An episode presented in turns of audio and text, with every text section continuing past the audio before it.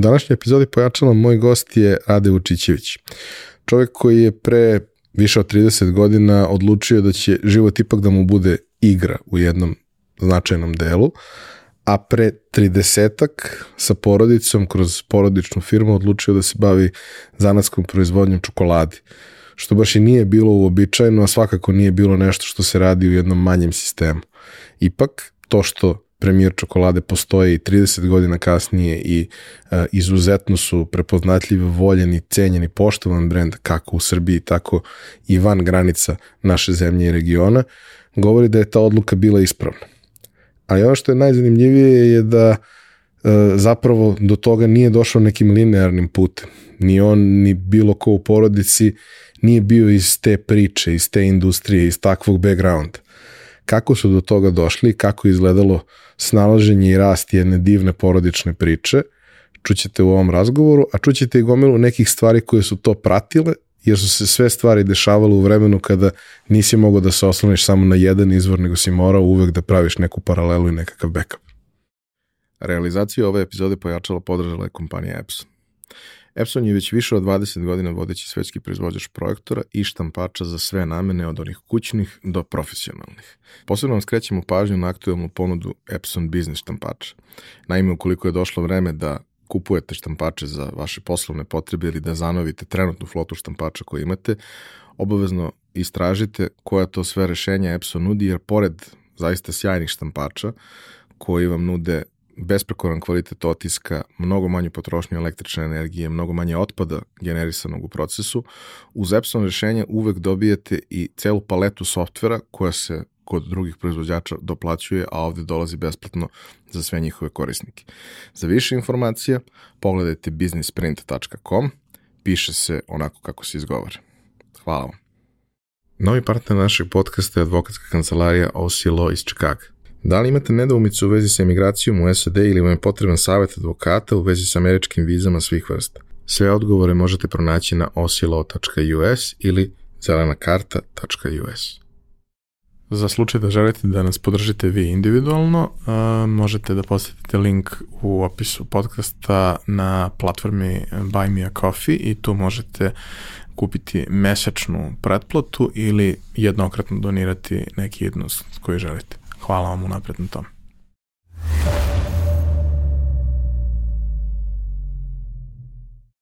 Rade, dobrodošli.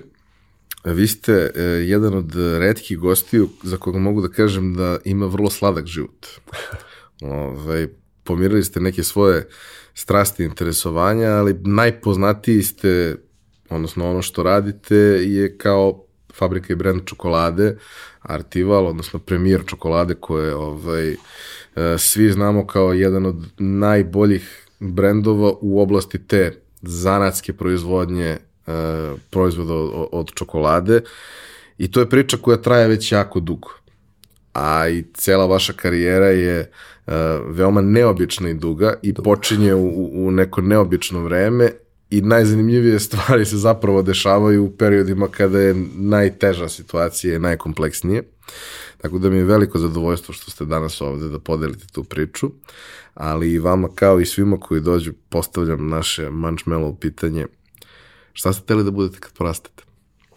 Pa evo, prvo da se zahvalim na pozivu i da pozdravim vas ili tebe, ne znam kako ćemo se ovog puta ovaj oslovljavati kao domaćina. Uh, A na pitanje, i, i na ovim lepim rečima uvodnim isto tako se zahvaljujem. A na pitanje šta sam hteo da porastem, pa kad, da budem kad porastem, pa nisam baš znao šta ću da budem, niti sam nešto težio nečemu. Ja sam rastu u socijalizmu, tamo je bilo važno završiti školu i dobro se zaposliti u dobru firmu. Tako da neke, neke ideje nisam imao. Međutim, kroz život se dešavaju neke stvari koje ti sami ne planiraš i ovaj, onda ti tako nekako trasiraju put. Kao i svaku. Krenuo sam srednju školu, Teslu, pa onda igrom slučaja saobraćeni fakultet, pa e, onda se desio folklor i on mi je poprilično ovaj, post, krenuo da postavlja neke, neke moje staze buduće i tako da sam kroz taj folklor krenuo da se bavim i nekom organizacijom. A odakle uopšte folklor? Koleginica sa fakulteta je odvela i mene i kuma.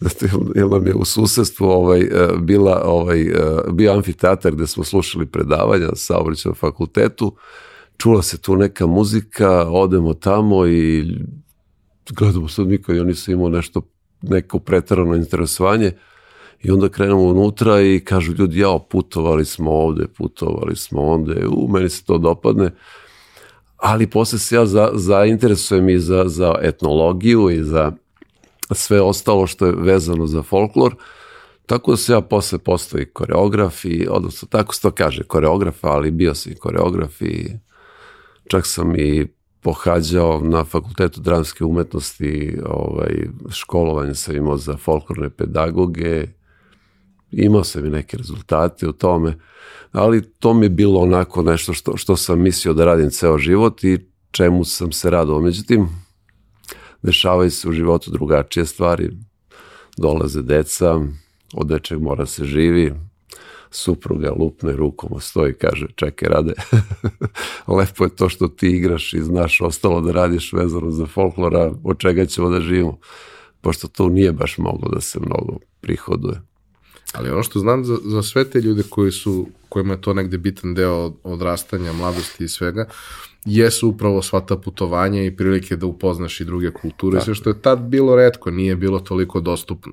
Da. Ovaj, ti veliki ozbiljni ansambli koji su imali nekoliko postava i sve to, znalo, znalo je da se desi da su različite postave na različitim krajevima sveta u istom trenutku. Da, pa nije mnogo takvih ansambala bilo, zato što je bilo dosta društava ili ti folklornih ansambala koji su mogli da, da idu po svetu, ali ovaj masovna je to bila ovaj pojava, da kažem, taj folklor i recimo samo u tom društvu u kome sam ja radio, Branko Cvetković igrao i posle radio, imala je tri ansambla, to je bilo preko 300 ovaj, e, članova folklornog ansambla i onda je to bilo podeljeno u, sek, u ovaj ansamble pioniri, pa pripremni, treći, drugi, prvi ansambl i tako dalje.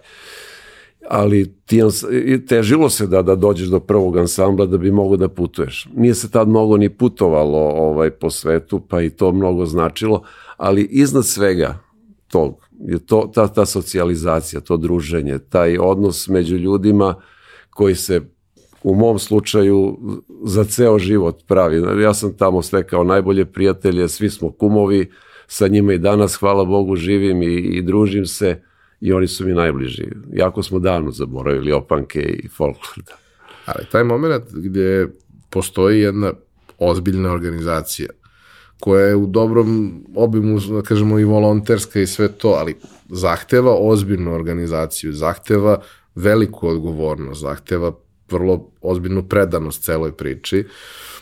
To je, da kažem, i u vašem slučaju, u slučaju mnogih ljudi bio neki prvi susret sa nečem što bi danas zvali menadžmentom, ovaj, a ovde je to posebno izazovno zato što je u principu dobrovoljno.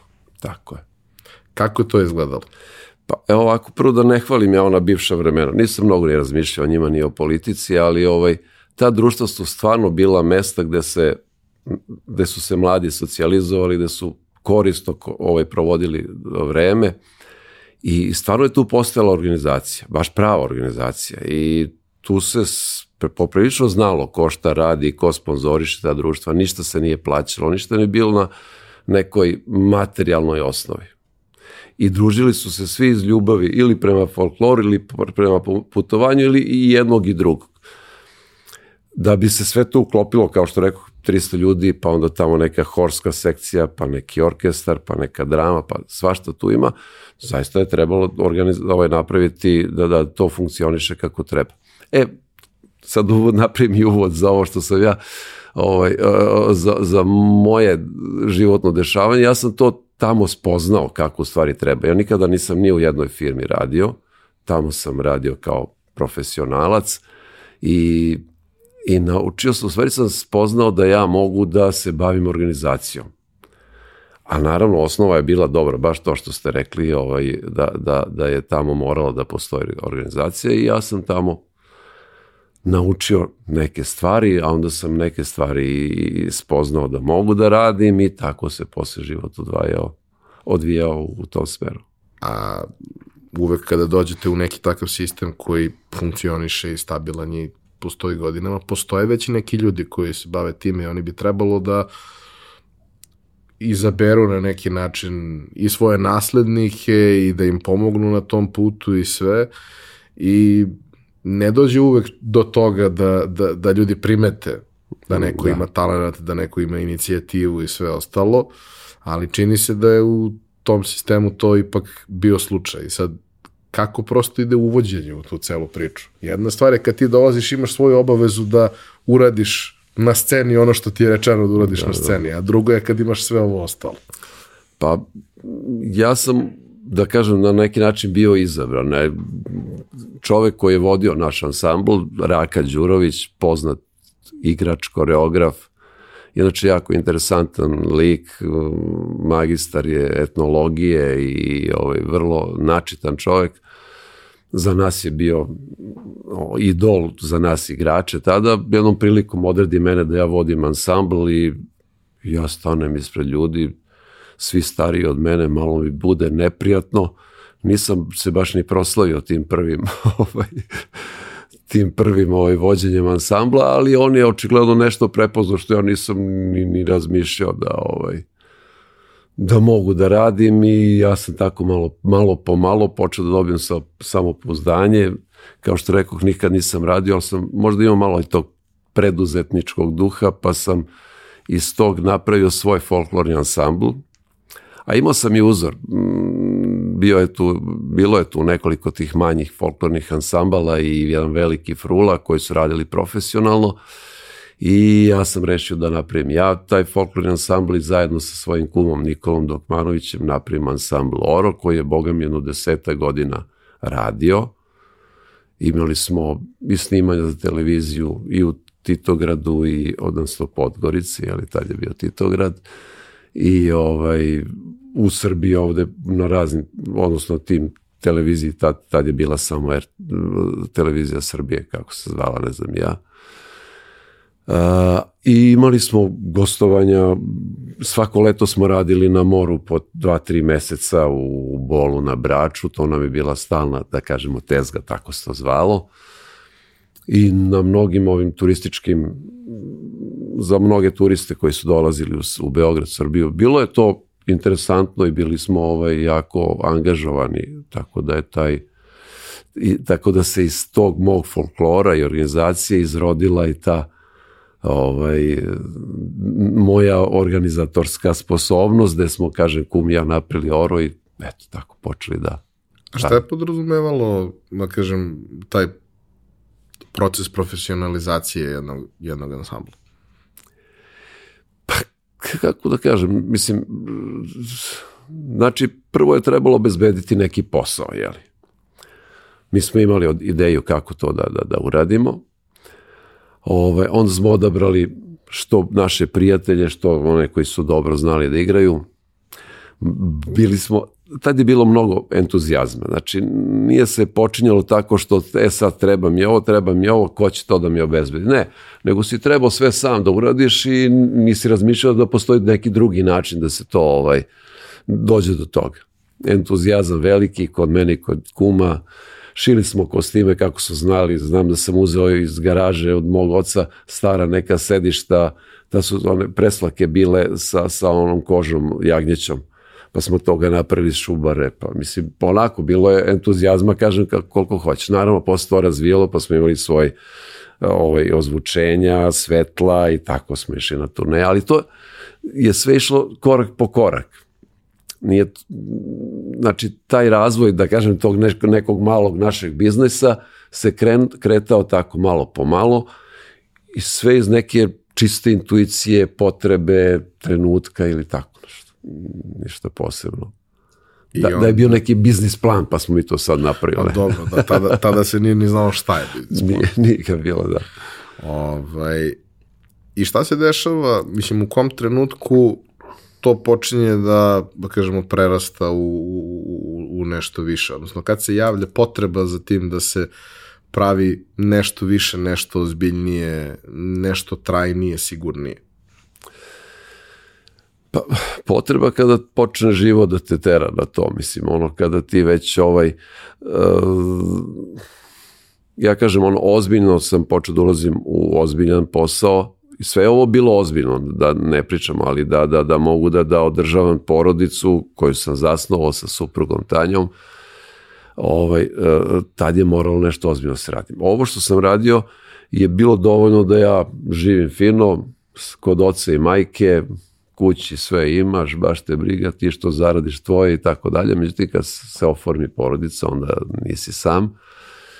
I jednog trenutka je moja supruga, onako kako to žene znaju da, da urade, me otreznila i rekla, ajde nešto da vidiš, ovo više ovako ne može. Ove, ovaj, I naravno, krenuli smo ovaj, ono ja da, da pravimo zapravo prvo sam napravio da se prisetim bolje, ovaj, napravio sam art agenciju koja se bavila organizacijom, da, uvod u sve o, o, ovaj taj folklor je bio u stvari uvod u nešto što, što se nadgradila, to je ta ovaj, agencija koja se ovaj, bavila organizacijom kulturnih nekih dešavanja i dečih manifestacija. To je to su bila ovaj bile novogodišnji program iz decu, bilo je tu dobrih ovaj poslova i u Sava centru smo radili i u hotelu Hyatt dosta domu garde i tako dalje. To su bile veliki broj dece je prolazio kroz to, dobra organizacija, dobre smo predstave angažovali, uvek smo se trudili da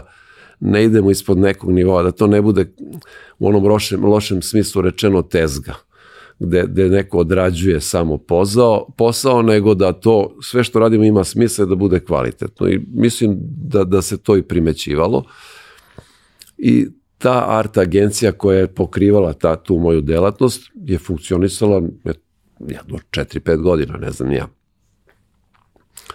Kroz to smo, kažem, supruga ja krenuli da, da ovaj, pravimo i ovaj artival, tako što smo na jednom konkursu u opštini Zvezdara, gde smo legalno konkurisali, dobili, odnosno konkurisali za kiosk od 6 kvadrata na, na Ustaničkoj ulici, to nam niko nije javio, smo dobili, da bi posle godinu dana nas pozvali da odlučimo koji će tip kioska da se postavi. Nisam zaboravio da smo bili da smo to uopšte uradili, da smo konkurisali. Kad sam otišao na sastanak, oni su, ne znam, predložili ovaj ili onaj, svi ti koji su dobili te, ta rešenja da mogu da postave kiosko, predelili su se za jedan suprug i ja to postavimo, na, odnosno i dođemo do, do situacije da napravili smo taj neki jadni kiosk, po, po propozicijama, sa svim građanskim dozvolama, sve što je bilo potrebno da se izgradi zgrada, tako je za taj kiosk od šest kvadrata bilo potrebno da se uradi, sve smo to uradili i onda je došlo do toga da treba da uzmemo neki nameštaj, jel, unutra. Da sam prvi put krenuo da pravim nameštaj, kada nisam ček, ekser, ni čekić uzeo ruku, nisam imao pojma, ništa, napravio sam ja to kako sam znao i uz pomoć mojih drugara nekih, napravili smo tu, i onda dolazi, čekaj, treba se napuni. Onda supruga, pošto radila u ovaj, Avala filmu, imala neke čekove, one koje ste ispisivali koliko hoćeš. I onda smo te čekove ispisali i nabavili, nabavili prvu kafu, pa onda nabavili neke dražeje i neke čokoladne stvari, da to ne bude baš ono kako je ono vreme bilo, staviš džak kafe, mlin i ništa prazno, nego smo mi to malo lepo ipak na neki drugi način radili, imali smo neki, neku delikatesnu radnju, ajde da kažem tako.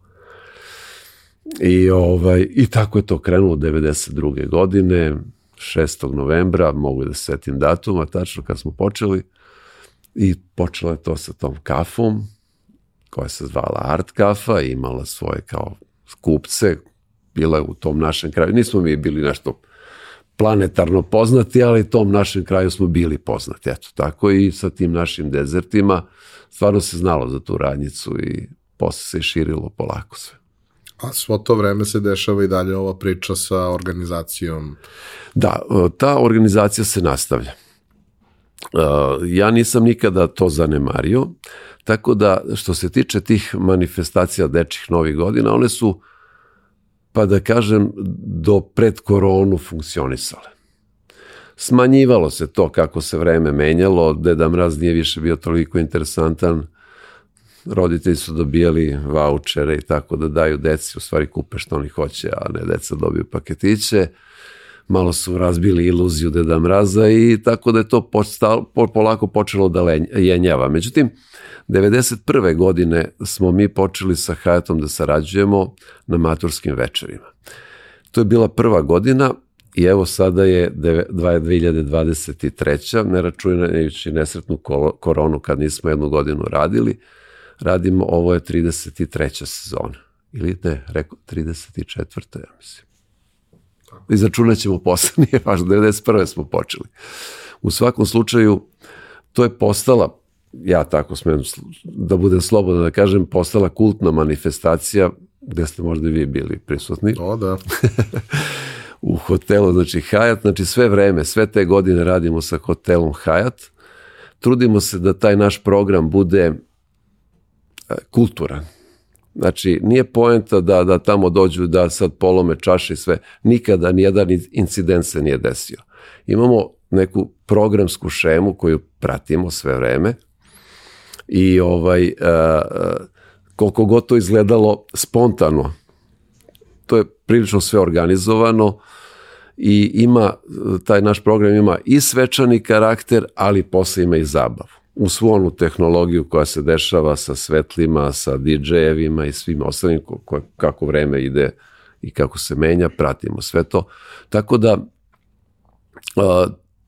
evo, možda smo i, ne znam ja da li postoji neko ko to toliko dugo radi, a mislim da u sistemu Hayata ne postoji ni jedna firma koja sa njima sarađuje 34 godine bez prekida, tako. I menjali su se i direktori i sve da bi to bilo kao nešto, neki deal, ne, tamo ne postoji, postoji samo interes i, i uvažavanje partnersko i tako da, da sa njima funkcionišemo, eto, evo i dalje. Nije, mislim... I to je baš dobra saradnja i tamo sam dosta naučio u stvari kroz sve se nauči. Pa kroz sve se nauči kad uzmeš da radiš to. Da, da, da, da, da. Bez obzira na to što treba čitati i sve to, dok jasno, ne uzmeš jasno, da radiš, jasno.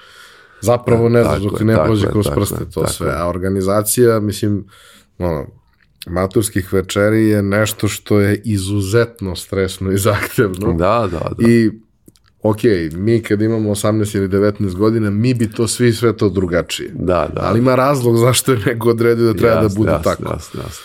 Jer ti sa 18-19 godina ne znaš šta je u principu i najbolje za tebe i nemaš tako baš je. ni kontrolu ni sve i neko mora da se postara da sve prođe kako treba. Ono što je bitno, bitno je da ti maturanti koji izađu posle budu zadovoljni. Ne pravimo mi maturska večer da mi budemo zadovoljni, nego oni a rekao bih da su zadovoljni, mislim, jer oni to prenose jedni drugima iz generacije u generaciju i pretpostavljam da to što mi radimo se prepoznaje i posle to bude i nagrađeno tim daljim radom i tako. E, pre nego što se vratimo na priču o kafi i svemu što se desilo iz kafe. Htio bih samo da, da se dotaknemo jedne stvari vezano za taj deo, da kažemo, umetničke organizacije, događaja i slično, a to je da e, sve vreme dok pričamo, to su neki događaji koji su vrlo vezani uz neke specifične delove godine i datume. Znači ima vrlo izraženu sezonalnost.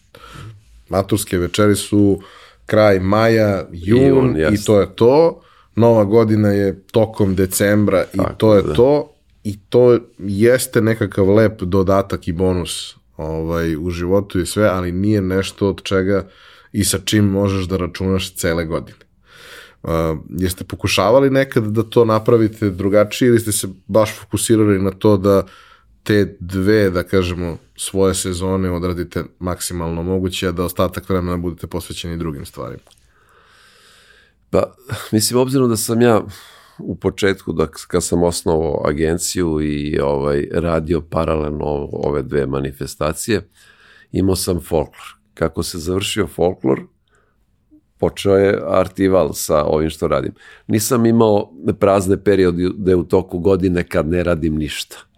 Tako da, bilo je sporadično nekih organizacija, nekih prezentacija, nekih kulturnih događaja, e, ali to je samo sporadično bilo. Znači nismo, nismo imali neki kontinuitet u tom poslovanju, A samo što se tiče matura, to, to, to se dešava u maju i junu, a organizacija je počela u januaru.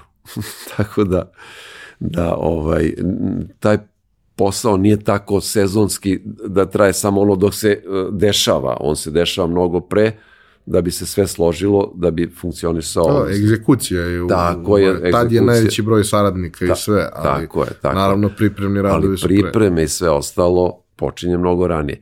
Što se tiče novih godina, mi smo u jednom trenutku imali i ove te igračke, pa smo imali paketiće, znači to je sve trebalo pripremiti i u oktobru mesecu da bi moglo da funkcioniš.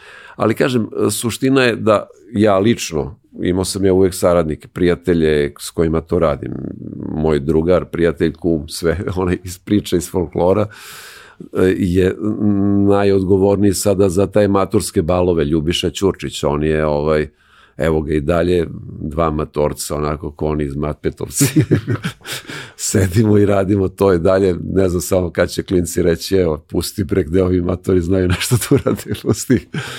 Ovaj, ali u svakom, u svakom slučaju ima, ima tu organizacija koja, koja postoji za svaki od tih poslova, a kažem, kontinuitet postoji u tom poslu, nije to da, da se samo radi ono kad je... Samo je vidljivo iznad površine u tom periodu. egzekucija kad je, to je samo finale svega što je urađeno pre toga. A, taj period 91. druge godine, ja ga prilično lepo pamtim, iako sam bio mali, ovaj, po tome što su tad počele da se pojavljuju trafike. I to jeste bilo najinteresantnije u svemu. I Sećam se, imali smo i mi neki porodični prijatelje koji su imali jednu trafiku, pa su muž i žena radili na smenu, pa se to posle proširilo. Ovaj, ali to je bio prvi, prva situacija u kojoj ti imaš tako neki mali objekat, one, one trafike, da kažemo, sa, sa najširim asortimanom, neki mali objekat u kom ima svašta. Tako je, da. A počele su da se pojavljuju i specijalizovane. I to jeste bio period kad je bilo uh, uh, prodavnica kafe dosta, nisu postojale brendirane kafe kod nas, nije bilo toliko velikih proizvodnja i svega. Sećam se, ako, ako se dobro sećam, postojala je C kafa kao neki brend koji Da, je je prepoznat iz u onim Jugoslavije bilo da sve kafa ne I dan danas kad da. vidim taj, taj dizajn, meni nekako bude toplo Da, oko da. srca.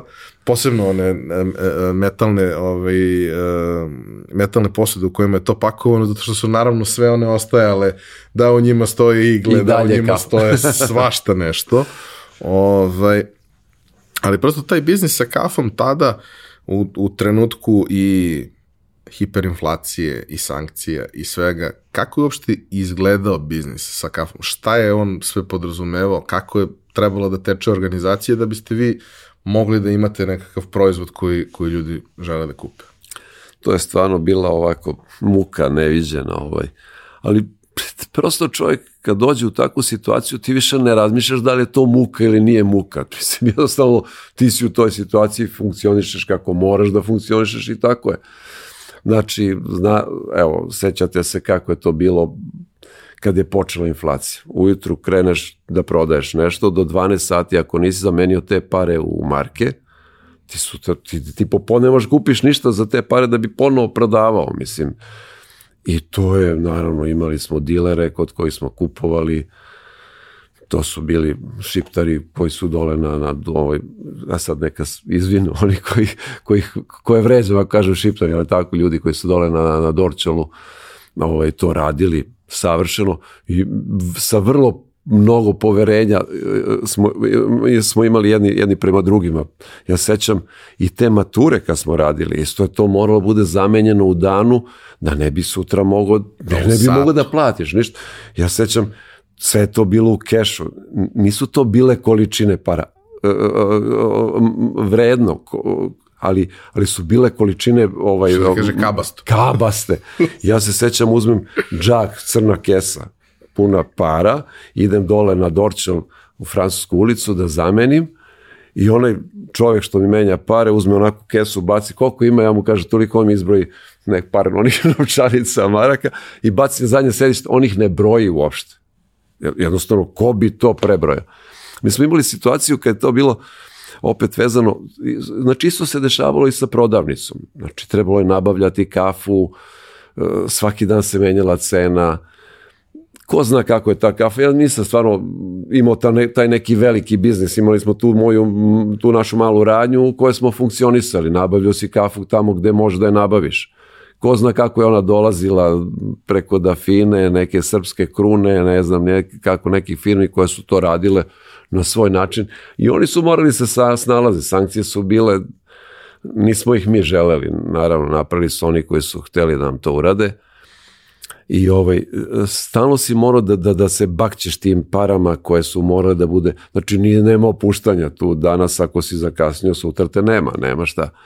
E, da se vratim na maturu, tako jedno večer mi skupljamo pare, do 12 sati ja Hajatu moram da predam pazar, pošto nisam, nije moralo se to uplaćuje tako, nego smo imali nekakav ugovor gde smo mi tu plaćivali direktno na blagajnu Hajata, odnosno na tamo ovaj, recepciju i do 12 sati možeš da uplatiš sve te pare i imali smo u hotelu Srbija smo imali kancelariju i nas troje sedimo na podu, gomila čekova i para. Pošto smo ceo dan sam ja to skupljao pare po školama i sedimo i onda razvrstavamo čekove na jednu stranu, novac na drugu stranu. Ja trčim do 12 sati da to predam, jer on tamo kad kuca, tačno mu se meri vreme kad je, da, da, da ovaj, bi mogli da ispunimo taj kurs, ono da predamo po tom kursu koje je tog dana to je to. Ali brdo, to, to, evo, mi sad mi je ta slika kako sedimo na podu u hotelu Srbija, u, tad je to pretrane sobe bile u kancelarije i tu mi tako radi, tako je to bilo u to vreme. A e, kako izgleda, da kažem, operacija u, u, u samoj, e, samom kiosku? Pa, e, bilo je, mislim, imali smo, tad je stvarno moglo se nadje ljudi za posao koliko hoćeš. Imali smo zaposlene, Ja sam, ovaj, ha, i to nisam ispričao, ali daj, neće biti, dugo će trajati. E, napravili smo, napravio sam, ajde da kažem, ovaj, neko upustvo za prodavce. Tad je to moralo, oni su dolazili na razgovor, ja sam im čitao šta oni sve treba da ispune i dešavalo se u nekih 30-40% slučajeva da ljudi odustanu posle tog mog čitanja šta treba da urade, kako treba se obraćaju mušteriji, kako da vode rad, ovaj računa o higijeni radnje, ispred radnje, kako da dođu da se obrate čovjeku koji je došao samo nešto da pita, znači ne da kupi robu, jer su svi potencijalni kupci. I tu su postojala stroga pravila, kako se nosi uniforma, kako se, i, i sve ostalo. I kažem, mnogi su odustajali. Znači, postojalo je, koliko god je to bio kiosk sa, sa ovaj, od šest kvadrata u koji se ulazilo, znači nije bio kiosk onaj sa, sa, sa, na, ovaj, sa šalterom u koji se ulazilo i gde su ljudi ovaj, imali direktan kontakt sa, sa prodavcem. I znači prvo se to biralo da se da ljudi budu uredni, da budu obučeni kako da se ponašaju, a onda je i postojala organizacija, imao, posle, pošto smo posle napravili pržionicu, pa jednu, drugu, treću, četvrtu radnju, to se malo širilo i ovaj, onda je već morala da bude složenija organizacija gde su se zaposleni ovaj, pre svega obučavali, pa posle vodilo računa o tim smenama, o nabavci, o o brendiranju kafe, da, brendirali smo tu našu kafu, pošto je firma Artival, mi smo je brendirali kao Art Kafa i ona je počela da ima svoje kupce, bilo je, bila je prepoznatljiva, kažem lokalno, ne, ne nešto široko, ali lokalno bila prepoznatljiva, znalo se da ispred naših radnji stoji red i da, da ovaj se čeka za tu kafu, a na početku dok je moja supruga radila, posle smo imali do zaposlenih, pa je ona to prestala, ovaj, sećam se, on se vrati sa posla i ovaj ode u kadu da opere kosu, ono brown, brown voda iz kose izlazi, pošto to, to te kafe koja leti svuda imaš je u nosu, u kosi, u odelu, u svemu, tako da tako da bilo je interesantno to u tim godinama. E, kako, da kažem, ta priča prerasta u ono po čemu danas znam? Vi ste pravili od starta da to ne bude samo pržionica Tako, kafe i da. prodaja kafe. Ali pretpostavljam da je i tada kao i sada bio problem sa nabavkom, sa stabilnom nabavkom svih tih nekih malo finijih, malo sofisticiranijih proizvoda. Da, da.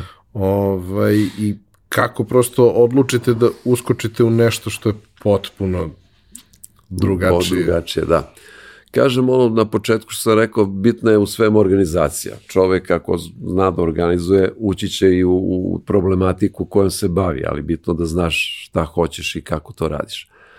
Uh, naša zamisao moje supruge i mene bila da ne bude to samo obična radnjica, kako rekoh, nego da ima i te neke delikatese.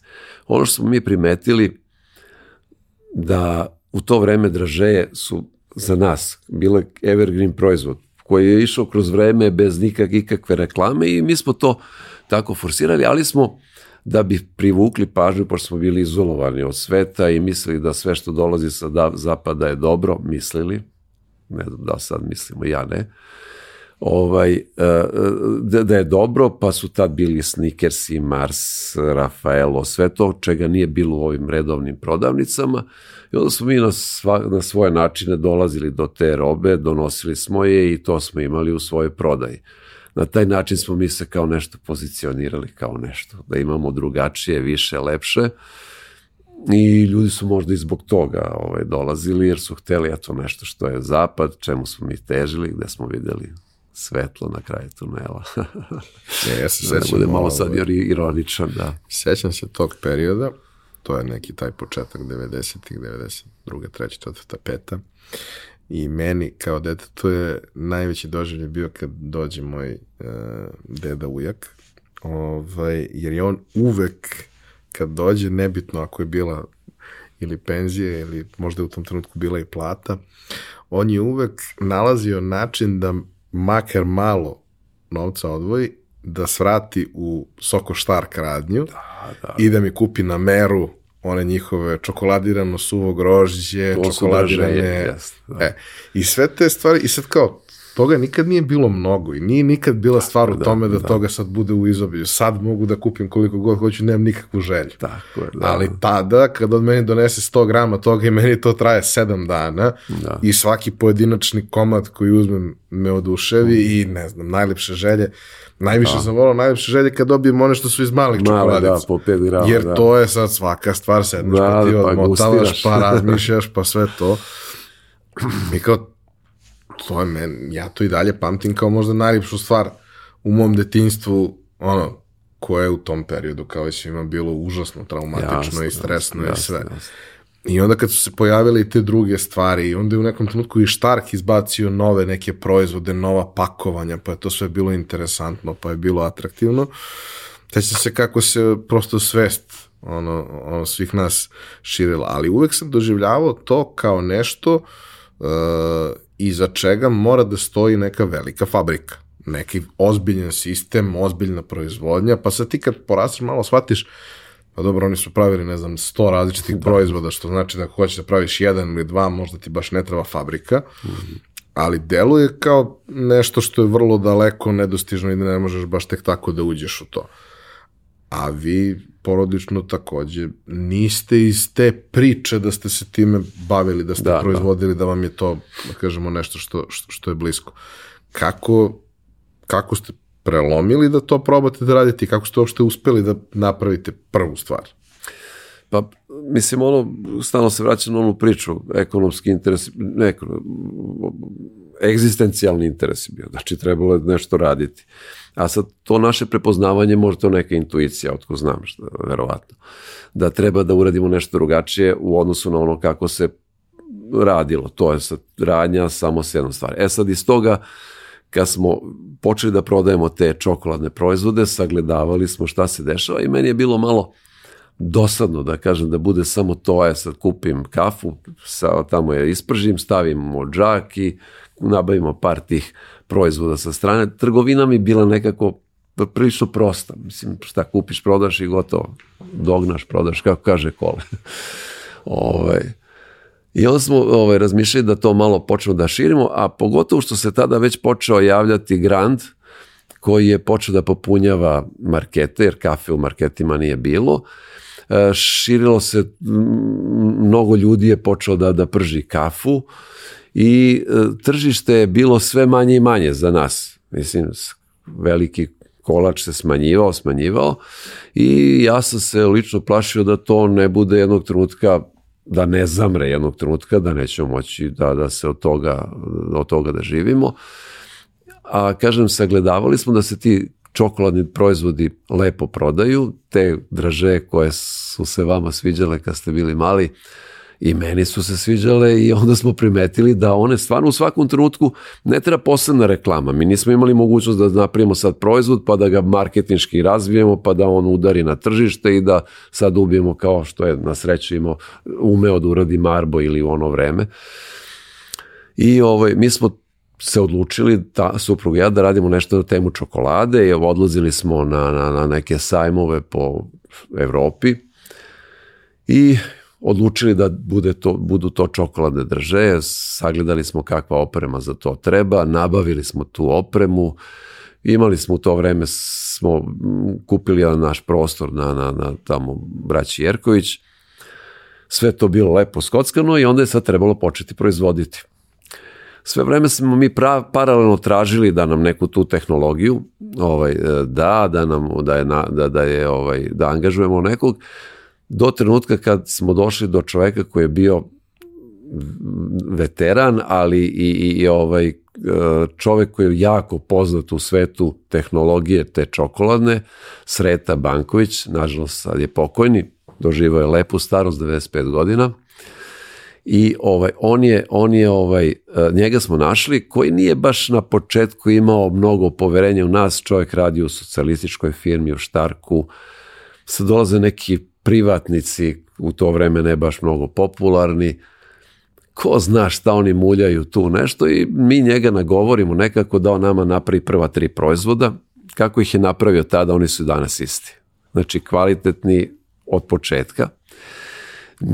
I krećemo sa njim u tu saradnju, da on prepoznaje da smo mi obični ljudi, da, da smo normalni, što kažu, i mi smo, ja sam ga zvao tada Čika Sreto, Čika Sreto rekao, vi ne morate dolaziti svaki dan ovde, postavili ste ovo, kad nam trebate, mi ćemo vas zvati, jer samo da rešite probleme, mislim, ovo je sad sve ide kako treba. Imali smo već tehnologa koja je devojku koja je tada već učila njega, tek završila fakultet, ali znala da, da, da ovaj, lepo prihvata to. I on kao, dobro, dobro, reduje, eto njega sutra da na posao i svaki dan. On je dolazio svaki dan na posao i mislim zadovoljstvo je bilo sa njim raditi i, ovaj, i tim ljudima koji su od njega učili stvarno su imali šta da nauče. Naravno, ja se nisam direktno bavio čokoladom, ali kad si prisutan tu, onda dosta toga naučiš i moraš da znaš u svakom slučaju ako vodiš takav posao. I jedna dirljiva situacija sa Čika Sretom bila pred, kad smo se preselili u prostor koji, u kome smo sada tamo na autoputu, on je došao kod moje supruge, pošto se ona bila u proizvodnji, doneo sve njegove papire, sve njegove zapel, zabeleške rekao, sad znam da imam kome ovo sve da ostavim.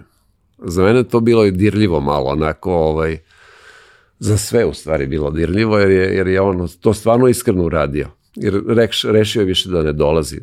Nije mogao da dolazi sa Voždovca ovamo. I, i, ovaj, i, ali kad je rekao sad znam kome ostavljam i da znam da mogu to vama dosim, mislim, baš je bilo onako za nas lepo.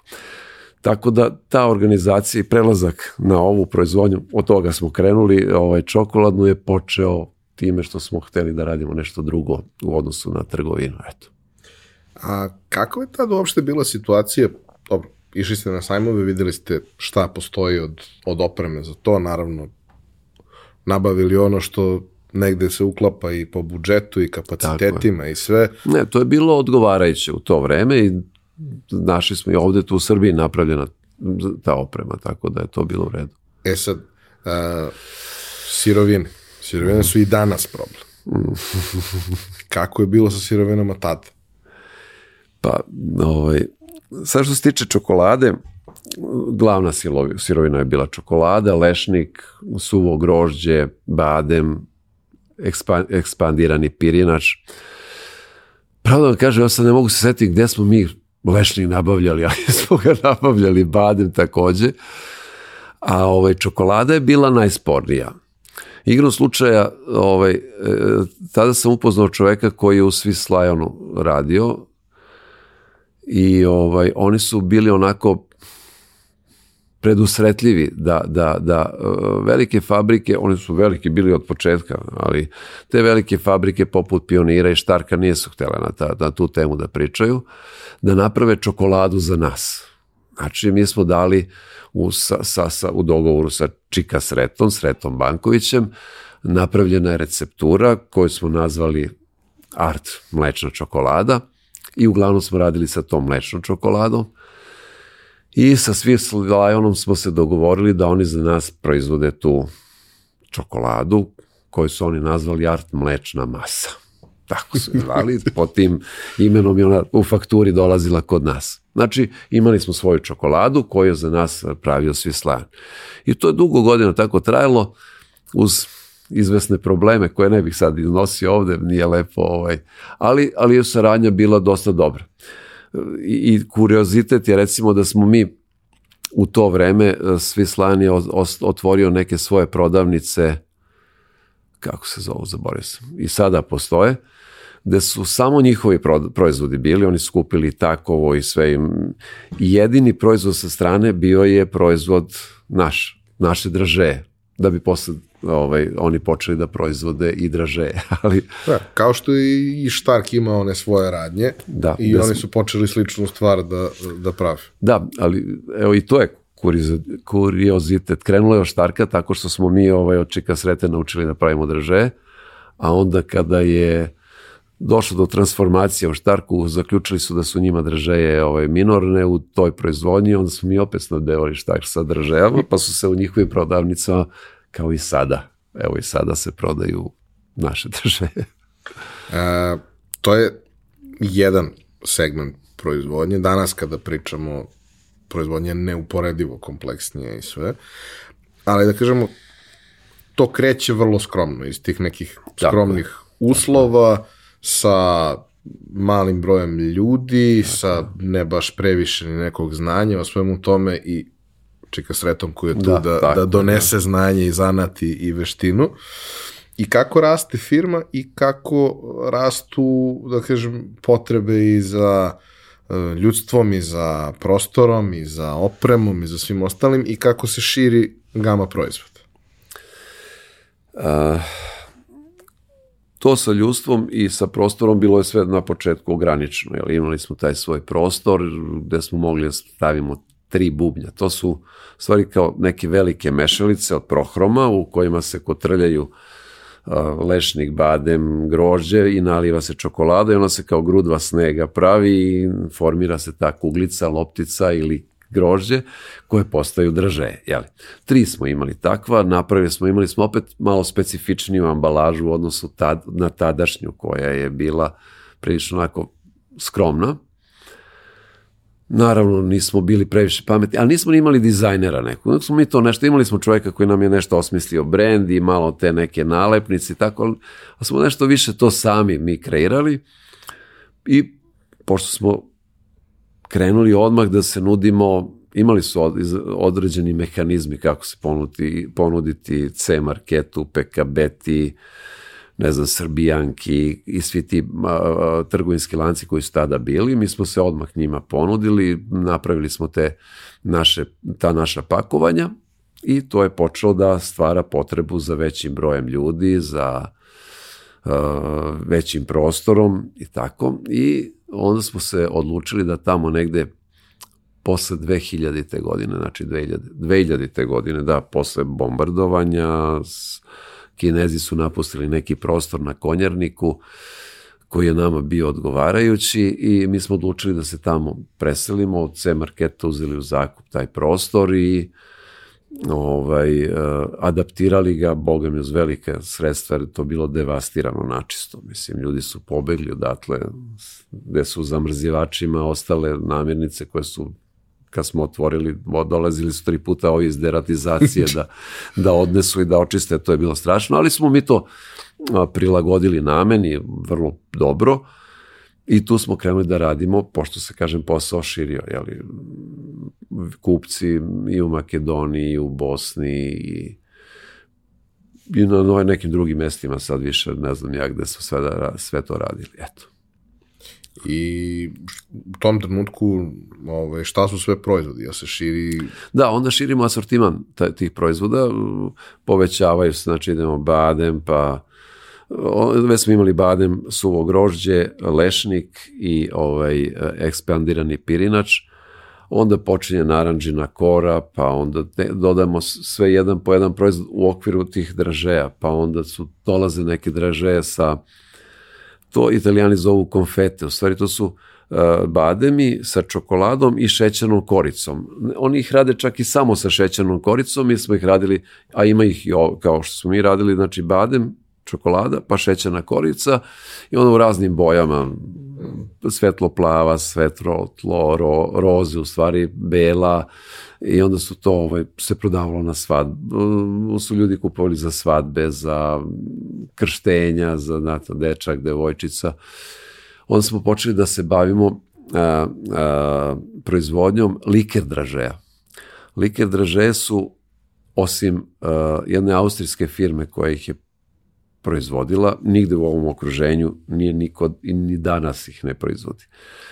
Opet zahvaljujući našem Čika Sreti, mi smo razvili tu tehnologiju i onda smo uglavnom se izmali razne, razna punjenja tih like dražeja, ali najpoznatija su bili, bilo da kažem Baileys, rum kokos, sa rumom i kokosom, bila je višnja, i, i, i bila je kafa.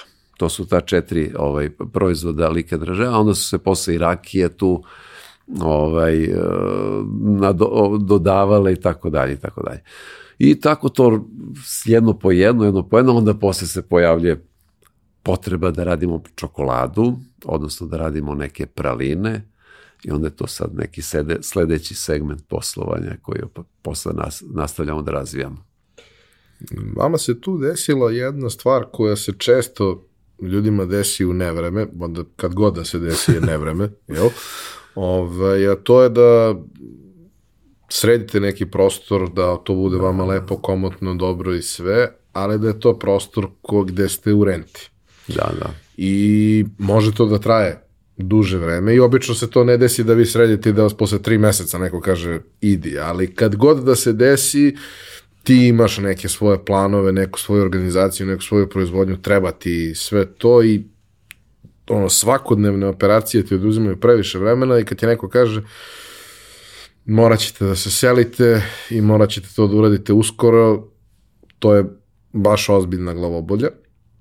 Posebno što uvek podrazumeva da uz tu selitbu sledi sređivanje tog nekog narednog prostora, a opet i taj naredni prostor ne praviš ga da ti bude kao što je ovaj bio, nego ako da, već to radiš, daj da ga uradiš kako treba i da povećaš kapacitete i sve. Kako je u vašem slučaju došlo do toga? Zato što mislim da je to možda jedna od onako najbitnijih tačaka prelomnih što se samog biznisa tiče. Pa da, kao što kažem, sve u, kod tog privatnog biznisa jedino je dobro što ti nikad ne stojiš. Stalno moraš da misliš i stalno moraš da si pod tenzijom, pod adrenalinom da bi sve te stvari rešio koje ti se dešavaju dnevno. Pogotovo u vremenima u kakvima smo mi živeli, ovaj, možda ka, mogu da kažem i živimo. Ovaj, da, desilo se to da smo mi bili na tom konjarniku u Ustaničkoj ulici gde smo proširili, bili smo pet godina, prostor je bio zakupljen od C marketa, Jednog trenutka su se počeli pojavljivati tu neki ljudi koji su merili, mi ih pitamo šta radite, kao sve marketo, mi smo arhitekte, ne znam, ja mere nešto, treba da prošire prostor, pošto je tu pored bila ovaj, e, prodavnica, ono njihov market, ovamo je to nekad bio restoran, pa smo mi taj restoran negde 600 kvadrata, kažem, adaptirali i oni su sad valjda hteli da to prošire. U to vreme je direktor Radulović, ja se nađem u neobranu grožđu, šta sad, kako. Oni kažu ništa, morate izađeti to je to. Krenem da tražim prostor po gradu, napišem, to je već ona 2000. godina, promenila se, ovaj, 2005. godina, pardon, promenila se malo ovaj, u državi ovaj, eh, način upravljanja, jel, ja napišem opštinama, nekim opštinama napišem dopis da imamo firmu sa 40 zaposlenih koji nema, gde nemamo prostor, opišem čime se bavimo i tako dalje, tražimo njih da nam pomognu, da nam daju neki prostor koji ćemo naravno da platimo, opet adaptiramo i tako dalje, pošto je tih prostora bilo, znate kako je država rasprodala sve što imala, i koji su zvrjali prazni, računajući da će nekoj opštini biti interesantno da ima neku firmu koja će plaćati tu doprinose, koja će poslovati na njihove teritoriji, niko se tu nije javio nikada, da bi se javio jednog trenutka iz opštine Novi Beograd, uh, imali su neku uh, agenciju za lokalnu ekonomiju, tako nekako se zvala, koja je, gde se javio neki čovjek da kaže da oni ne mogu ništa da urade. Međutim, ja sam napravio kontakt sa njima u toliko što smo se upoznali, ali bilo je korektno da su, da su oni bar odgovorili da ništa ne mogu, ne znam, poslovni prostor je pod ingerencijom grada, firme su firme, oni ne mogu ništa da urade, jel? Jednog trenutka sam ja njih konsultovao za neki plac tamo u Surčinu, da vidim da li je legalan, nelegalan, da bi tu nešto počeli da, da pravimo. Međutim, ovaj, oni su rekli da to nije legalno, ali čovjek mi reče, kaže, ideš tamo, u, vidi u Grmeču, oni treba da prodaju neki deo prostora, treba im da isplate radnike koji su ostali. To je, Grmeč je bio rasturen. Treba da isplate neke radnike da im se isplate plate. Jo, mene ogre sunce, ja odmah u Grmeč pogledam, ono kao u, sada u Ukrajini, otprilike izgleda hala, rastureno sve, ovaj, pitam ja njih da li imaju, kao jesu zainteresovani, dogovorimo se mi na neki način, kako ću ja da isplaćujem te njihove plate, bilo je 50 zaposlenih, Grmeč je brojao, ne znam, ja možda i 1000 zaposlenih, ne znam, bio je nenormalno bogata firma tada u ono vreme kad je radila, a posle, kažem, je rasturena. I ovaj, igrom slučaja, eto, nađe se način da, da, da napravimo u, ovaj dogovor sa njima, taj njihov upravni odbor je sa njima sam se dogovorio, dobili smo obavezu, odnosno u okviru ugovora je bila naša obaveza da zaposlimo 10 ljudi iz Grmeča, da i, i da im isplaćujemo ne znam koliko meseci plate i da platimo opet nešto što je trebalo se plati sa taj prostor. Naravno sve to regulisano, hvala Bogu, ti neki ljudi iz Grmeča još uvek rade, znači to je bilo pre 17-18 godina, oni još uvek rade kod nas. Neki su od nas otišli u penziju. Šefovica računovodstva Mira Drinčević je došla da radi kod nas. Ja kažem, Miro, pa šta ćete vi da radite kod nas? Mi smo mali. Ona kaže, e, meni treba mir, ne treba mi ništa više. Mira je uredno dolazila na posao do svoje penzije, stvarno nam stvari postavila na svoje mesto. Kako, bil, mislim, bilo u redu, ali, ali ona žena koja je imala iskustva dobrog. Tako da smo, ovaj, kažem, taj trenutak je bio stvarno ovaj bolan kada smo saznali da moramo se selimo. U sve te napore uspeli smo to da uradimo. I uh, tada smo supruga i ja založili stanove naših roditelja pošto svoje nismo imali. I ovaj uh, uzeli kredit da renoviramo taj prostor. Da mi je neko rekao koliko će mi para utrošiti i šta će sve se dešava, nikada ne bih rekao, bi gotovo je bili ja ovaj mikrofon stalno udaram.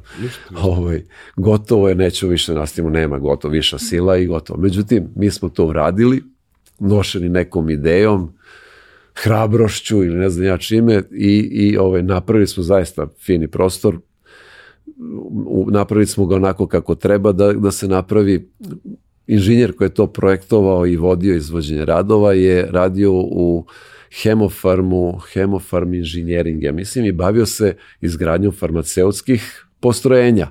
I čovjek je svu, svu tu tehnologiju i tu higijenu koja se primenjuje u farmaceutici projektovo i na nas. Tako da kod nas izgleda otprilike kao, u, kao, kao se ulazi u fabriku lekova. Jeli? Ovo, ovaj, I trudimo se to i održavamo i danas. Naravno, potrebno je tu, znate, za proizvodnju čokolade je potrebna određena temperatura, konstantna, što je bio najveći, jedan od najvećih problema, da, da higijena bude uvek ovaj, na, na nivou, odnosno da bude zadovoljavajuća. Mi smo uveli i HASAP koji je među prvima kad je, kad je bio postavljen uh, ovaj, i ne da smo ga uveli da bismo napisali da imamo HASAP, nego se stvarno evo i danas ponašamo prema tim standardima ovaj, ko, koje, koje su, koje su ovaj, zacrtani i sve to moralo da funkcioniše onako kako, kako treba i napravili smo mi to tako i to je ono onaj, ona nadogradnja što, o kojoj ste malo pre rekli da kad se preseliš iz jednog prostora praviš drugi uvek, uvek gledaš da to bude bolje i funkcionalnije naravno od onoga u čemu ste bili prethodno. Mislim da je, da je taj trenutak zapravo ono, taj skok i trenutak kada ti definitivno kažeš e, sebi ok, ovo je ono u šta želim, sa čim želim da rizikujem da, sve da. što imam, ovo je nešto u šta verujem i... Pa nismo baš mnogo imali izbora. Tako da... Uvek postoji izbor da se odustane, tako samo šta je. onda. Šta onda, tako je. Ovaj, I ja stvarno mogu da posvedočim kao neko ko je bio više puta u toj proizvodnji da ona jeste um, besprekorno i organizovana i da je uvek um, divno doći zato što se dešava toliko stvari u isto vreme da, da, da. i uvek imaš nešto da vidiš, uvek se dešava nešto zanimljivo. Mi smo dolazili naravno kao ekipa koja snima, fotografiše i, i snima i u principu u svakom trenutku ima šta da se snima. Da. Nije to sad kao sad radimo samo ovo i nema ničeg da, drugog. Da. Ne, ne, ne, uvek je na onim na, na onim policama. Uh, policama ima hiljadu nekih različitih stvari i u stvari uh, moja pretpostavka je da je taj prostor vama omogućio da vi danas dođete do toga da imate sve ove proizvode koje imate. Jer danas je to još mnogo kompleksnije od onoga dokle smo stigli kroz priču. E, ovako, mislim, moja supruga je bila isto folklorac, igrala je. Moj sin, koji sad nastavlja da vodi firmu, i čerka su folklorci, znači, i moje, moj život je igra u stvari. Mi smo se sve vreme igrali. Zaista, nije to... A, možda će ljudi, biznis je surov, znate, to sve gaziš, ovo. Ne, ja zaista, evo sad, sa 100% iskrenošću mogu kažem, mi smo se igrali sve vreme. Naravno, sve vreme to moralo bude propraćeno uh, materijalnim delom. Ne bi opstalo da smo se samo igrali i zaigramo se pa odosmo. Ne, moralo je to da bude. Ali svo to osvajanje novih proizvoda je bila naša igra u stvari. I, i neki entuzijazam, nešto što si hteo da napraviš da tebi bude lepo, da si ti zadovoljan, da si ti srećan, naravno promišljeno, da, da to ima i projekciju na one ljude kojima to praviš da, da konzumiraju, ali naravno išli smo i na sajmove, posmatrali, nismo mi sad smišljali to sve sa Sea Tesla pa smislio sve, ne, postojalo je to ovaj, u svetu, ali smo mi prepoznavali ono što mislimo da je za nas dobro, davali neku svoju o, crtu tom, tom, tom našem pravljanju novih proizvoda i sve vreme smo se sa tim igrali. Možda to nije ni bilo, evo sad se malo drugačije radi, sad je moj sin tu ovaj, uzeo glavnu reč, pa imamo i marketing, pa se tu malo sad malo više istraži, pa se ovaj, gleda šta se radi, ali ovaj, ja sam čisto na intuiciju, supruga i ja sednemo, e šta misliš ovo, dobro idemo, čika sreto, ajde da vidimo kako ćemo ovo, mi pravimo, ima, imali smo i to moram da spomenem, imali smo tu to zadovoljstvo i sreću da smo kroz taj posao stupili u kontakt sa Vesnom Jovanović, koja ima studio Virtu, koja je u stvari autor svih naših uh, pakovanja. Sada da kaže, obukla vam je proizvod. Ona je nama obukla sve i ona nije samo neko ko je to kreirao i obukao, ona je i, i naš savjetnik i prijatelj i ona od nas poznaje, mi njoj ništa ne moramo da kažemo. Ona, ona, ona u stvari razmišlja kao i mi, odnosno mi razmišljamo kao i ona i često nam daje smernice i upućuje nas na to šta bi trebalo da uradimo. Ima ona svoj isto kreativni tim i ona se kroz vreme razvijala i, i ima zaista dobre saradnike.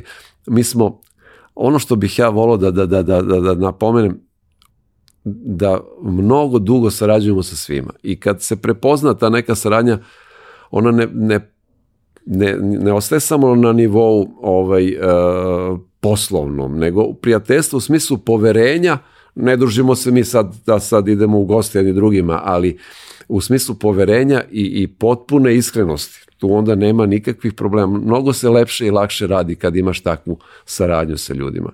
To mi gledamo da negujemo i tako se i dešava, hvala Bogu. Mnogo je lakše kad ne moraš da pamtiš šta si koga slagao. Da, da, da, da, da, kaže moj drugar, ne, ne pam, nisam ja pošten zato što hoću, nego ne mogu pamtim šta sam sve rekao. Da.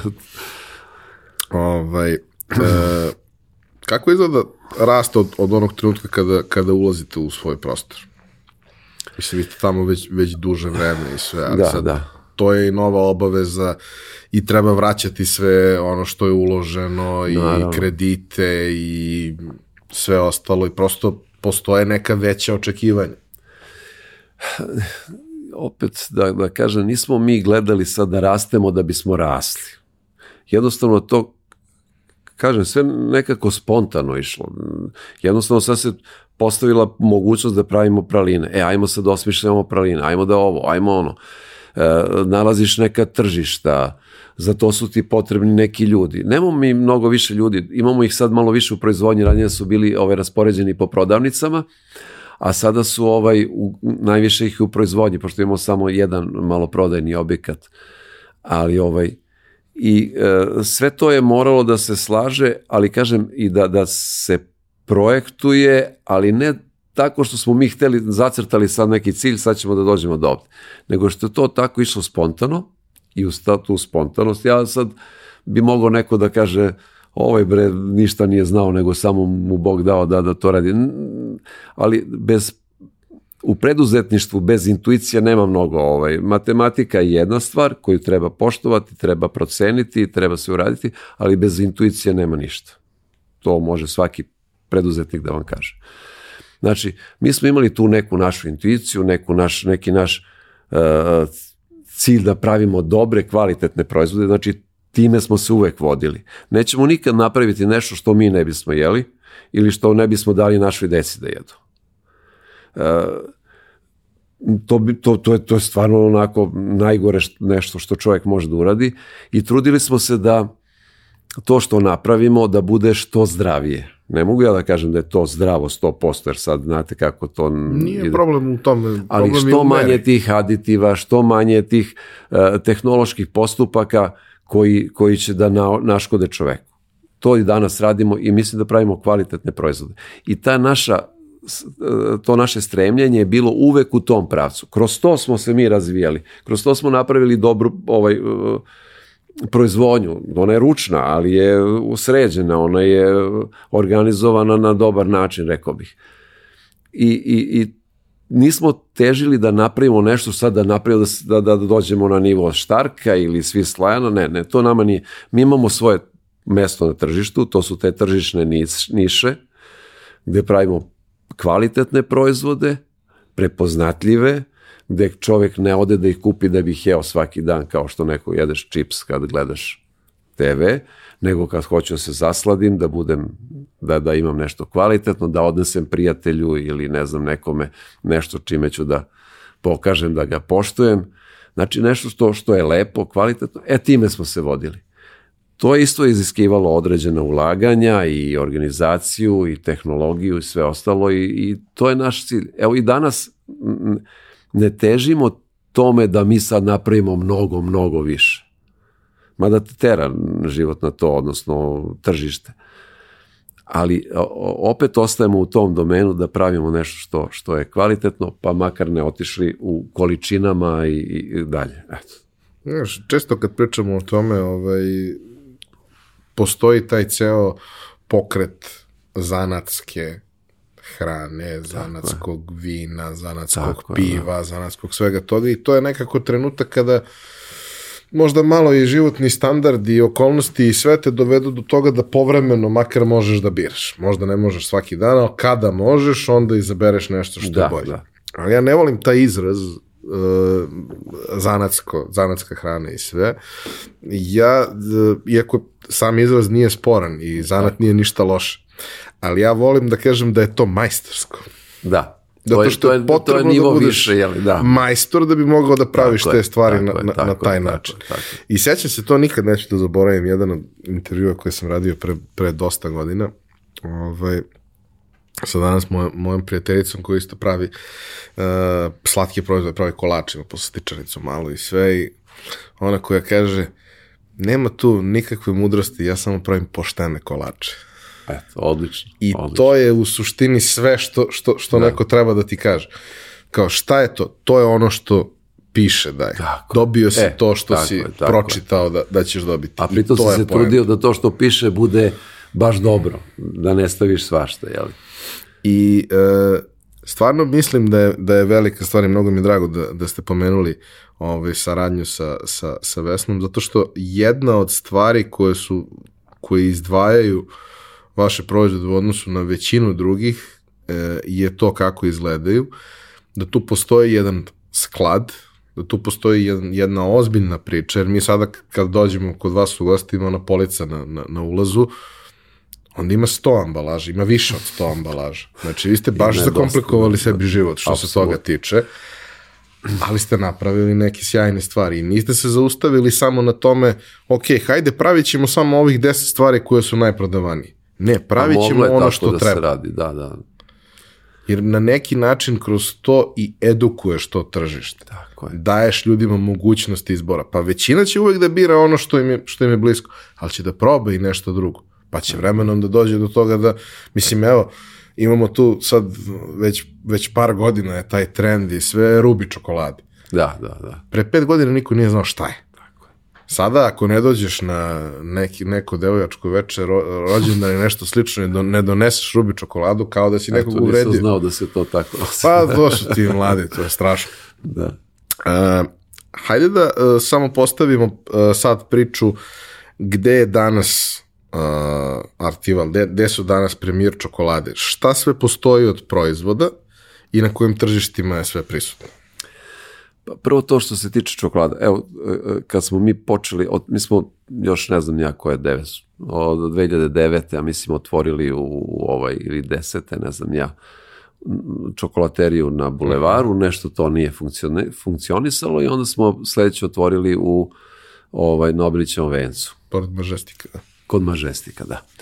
I e, mlečna čokolada je bila zastupljenija. Mnogo zastupljenija nego tamna.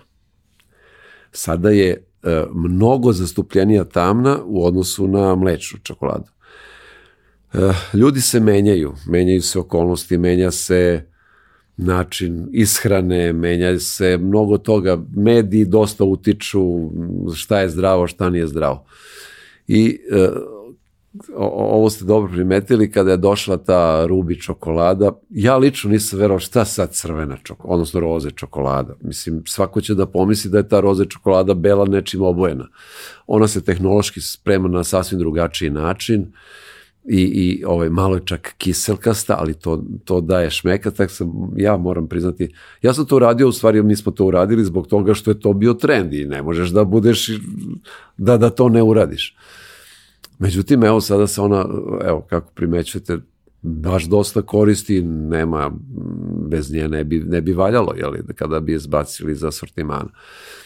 E, Mnogo stvari smo mi tih proizvoda, gotovo sve smo mi osmišljavali, iz nekog, prvo o, imate trendovski, to što sam sada rekao, onda imate nacionalno nešto da obeležite kao da- da je to proizvod iz Srbije. Koliko god čokolada nije Srbije, ali ako date nešto srpsko tu, onda može da bude i onda e, onda imate zdravo. I, I sad se mi vodimo nekim tim smernicama. Prvo kod tih ovaj, trendovskih stvari, rekli smo ima rubi, crna čokolada. Mi imamo sada, evo sad ja ne mogu, ovo, ovako ću čisto paušalno reći, ali sigurno jedno 12-13 vrsta čokolada koje mi koristimo. Ako se sećate s početka, rekli smo smo imali samo mlečnu art Mlečnu masu. masu. Da, da.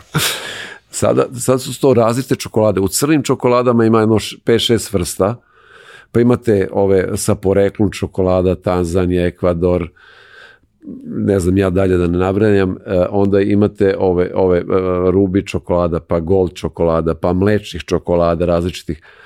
E sad sve to kad sa svakom čokoladom napravite neki drugi proizvod, imate čokolade, ove bark čokolade na koje se, koje se posipaju, ne znam ja, raznim uh, voćem, Liofilizovanim, da. liofilizovanim i tako dalje. Pa onda imate draže sa liofilizovanim voćem, pa to onda dolazi do toga da ono što vidite izgleda tako, tako bogato i, i činjenica je da to što, što ima mnogo proizvoda ne opravdava postojanje toliko proizvoda sa ekonomske strane gledano. Jer ne, kao i u svim proizvodnjama nekoliko proizvoda donosi najveći obrt i ono drži celu proizvodnju. Ali bez toga ne bismo bili premijer, ne bi ta čokolada bila premijer. Vi morate nešto, neke stvari da imate i zbog imidža, i zbog toga što hoćete da pokažete da znate mnogo više nego što je ono samo što donosi pare. Jeli? I tako da sada to sve usložnjava stvari, ta ambalaža, kako reko ste, mnogo čini i, i, i ta ambalaža komplikuje mnogo život, tako da pogotovo što to mi nemamo one pakerice koje znate ubacite program i ona tamo sastavlja kutiju, provlači čokoladu, ubacuje u transportno pakovanje, izbacuje gotovo zapakovanu s nalepnicom. E sve to što sam rekao to radi ruka kod nas, tako da tako da ovaj to kaže mnogo komplikuje stvar ta ta i ambalaža i svi ti proizvodi pa čak i nabavka jer sve te čokolade i to da kažemo o, čokoladi što, što često ljudi ne znaju Čokoladu mi kupujemo u Belgiji. Naravno imamo svoje čokolade, čokoladu sa, sa određenim sastavima koju mi biramo, koja je samo za nas i tako dalje. I čokolade poput Rubija koje su konfekcijski napravljene, ali ih mi posle preradom pravimo od njih raznorazne proizvode. E, svi naši, neću da im pominjem imena, ali svi naši veliki proizvođači sada u Srbiji čokolade isto nabavljaju čokoladu kao i mi najviše to od Kalebo, Berry Kaleboa, koji, koji je najveća možda globalno ovaj, proizvodnja čokolade. E, mi nabavljamo čokoladu iz Belgije. E sad, kad vi poručujete tu čokoladu, znate, imate koliko stavki tih čokolada, ona se ne troši baš ravnomerno, znate, i onda se tu dolazi nekad do tih, ili negde morate da predimenzionišete pa da ovaj uzmete malo više, pa negde nekada budete u minusu sa čokoladom da biste održali asortiman, ali eto to, to je nešto što komplikuje stvari. Da kažem i ta ambalaža komplikuje stvari, ali tu smo, mi smo to hteli tako Tako Ma, je. Mislim, mora biti tako, tako da bi da. proizvod bio predstavljen na pravi način. Ako tako nije je, da. spakovan da. kako valja, to više nije tako premium proizvod, to tako više je, nije ozbiljna neka priča. Mislim, hvala Bogu sada i i jeftini proizvodi imaju dobre ambalaže, jer je to postalo da, da, da prilično da, jeftino. Mnogo se menja, da, da, da. Um, nego uvek je to kad ima mnogo različitih proizvoda i mnogo različitih ambalaža, sama činjenica da to negde mora da stoji i je, i je komplikovan. Da, da. Ljudi da. ne razmišljaju o tome, ali kao sama činjenica da mora da postoji negde to organizovano i da lako može da bude dostupno i sve je vrlo izazovno. E sad vi imate i neki proizvode koji su uh, malo ipak posebniji od ostalih. Uh mhm. -huh. ovaj, I to su obično oni proizvodi koje kada putujemo negde, mi ih ponesemo Aha. ljudima odavde, ovaj, jer su to stvari koje ili imaju neku nacionalnu simboliku ili zaista su vanserijski kvalitetni i dobri proizvodi ili imaju i taj neki da kažemo lokalni štos pa bi volao malo da popričamo o tome odakle uopšte to, što to se uopšte ne uklapa u onaj neki standardni portfolio proizvoda koji su bili. Šta tu ima sve od proizvoda i kako su nastali i kako ih vi doživljavate? Pa, naši proizvodi mm, su, pored toga što se kupuju za ličnu konzumaciju, najviše i ovaj proizvodi za poklone, jeli? Prepoznali smo da tržištu treba tih suvenir proizvoda, kako ih mi zovemo. I onda smo napravili jednu liniju, tisu, liniju, grupu suvenir proizvoda, među kojima je Manastiri Srbije. To je čokolada koja u sebi ima pet različitih čokoladica sa pet različitih ukusa. Na svakoj čokoladici je slika uh, manastira, jedno, uh, man, jednog od manastira. Kutija je sa, uh, ovaj, sa uh, manastir Hilandar. I ono što smo hteli da uradimo, da na to ne bude samo kao sad smo uzeli mi to u komercijalne svrhe, nego da na neki način damo i svoj doprinos toj našoj kulturi, srednjovekovnoj i uopšte nacionalnoj. E, mi smo napravili jedan katalog koji se stavlja zajedno sa tim čokoladicama u tu kutiju gde o svakom manastiru pišu osnovne stvari na srpskom i na engleskom. E, to je po nama bilo ne samo ne samo komercijalno, nismo se vodili samo komercijalom, nego i željom da, da na neki način svojom, svojim, damo neki svoj doprinos i toj našoj kulturi. Imali smo sreću da nas je neke 2000, ne znam nija koje, naš sajt su oborili ovi naši ovaj, kosovski albanci, zato što su videli da neki manastiri su sa, ovaj, sa Kosova i Metohije i onda su vratno hteli da nam na neki način pokažu da, da to nije Srbija, jeli? Ovaj, naravno to se posle rešilo, ali ovaj, hoću da kažem, ta, ta naša čokolada je zato prepoznatljiva po tome, onda smo napravili nekoliko čokolada koje zovemo Srbija, gde je na jednoj čilim, na jednom ikona uh, ovaj, sa, sa jednog od manastira nije ni Beli Anđeo, nije ništa što je ovaj, nego gde taj uh, ta ikona nešto igra, svira ne, nešto na tu temu, izabrana je, odvojena je onako, slika te ikone. I ovaj, ima još treće sad, sad da, da, da ovaj, ne gađa šta je tačno. Uglavnom, znači, imamo te čokolade, imamo uh, čok, bombonjere Beograd. Te bombonjere su ranije bile tako da su onako malo rustične, pisalo je Beograd na njima, dosta turista, hvala Bogu, ima sada u Beogradu, ali smo mi hteli da to ovaj, bude o, o, ipak drugačije, da i to tu damo neku kulturnu kulturni pečat, pa smo izabrali našeg, jednog od naših najboljih akvarelista, čije smo pravo, dobili smo njegovo pravo da postavimo njegova tri akvarela na te naše ovaj, bombonjere i eto sad tako predstavljamo i kulturu na neki način da, da ti naši sugrađani koji je Beograđanin, da ti naši sugrađani stvaraju i ovaj, to pokazujemo i na neki nekim strancima, dom, ljudima koji to u Srbiji kupuju i tako. A ostalo ima još proizvoda, ima krem. Ima A da, to je, to je sad opet neka druga linija, pošto smo mi hteli da budemo kao mi smo vezani za kraljevsku porodicu, tako što smo i uh, liferanti kraljevskog dvora, gde nam je prestolno naslednik njegov kraljevsko visočanstvo Aleksandar dao taj kao ovaj, uh, sertifikat dvorskog liferanta, ali pored toga smo hteli da pokažemo da su naši proizvodi dobri, da su oni kraljevski i nazvali smo te proizvod, tu jednu liniju proizvoda kraljevski ukusi Srbije. E tu je taj krem koji se pakuje teglice, koji je u više boja onako liči na kako bi sad svi rekli ovaj bajaderu, onako imate slojeve čokolada za razliku od drugih proizvođača, te taj naš e, proizvod ima više od 50% lešnika u sebi, što nije ekonomski nikako opravdano, ali je ovaj sigurno bolje nego da je drugačije. E, iz te serije e, postoje kraljevske praline koje su isto tako osmišljene na, na isti način i imamo kraljevski dezert koji je ovaj isto tako veli, veći, ali on je pak ono 200 grama, ne možete mnogo da pojedete, nažalost toga, projedete 50 grama i već ste siti jer to je toliko jako i dosta energije ima da, da, da ne daje mnogo mogućnosti da se jede u već, većim količinama.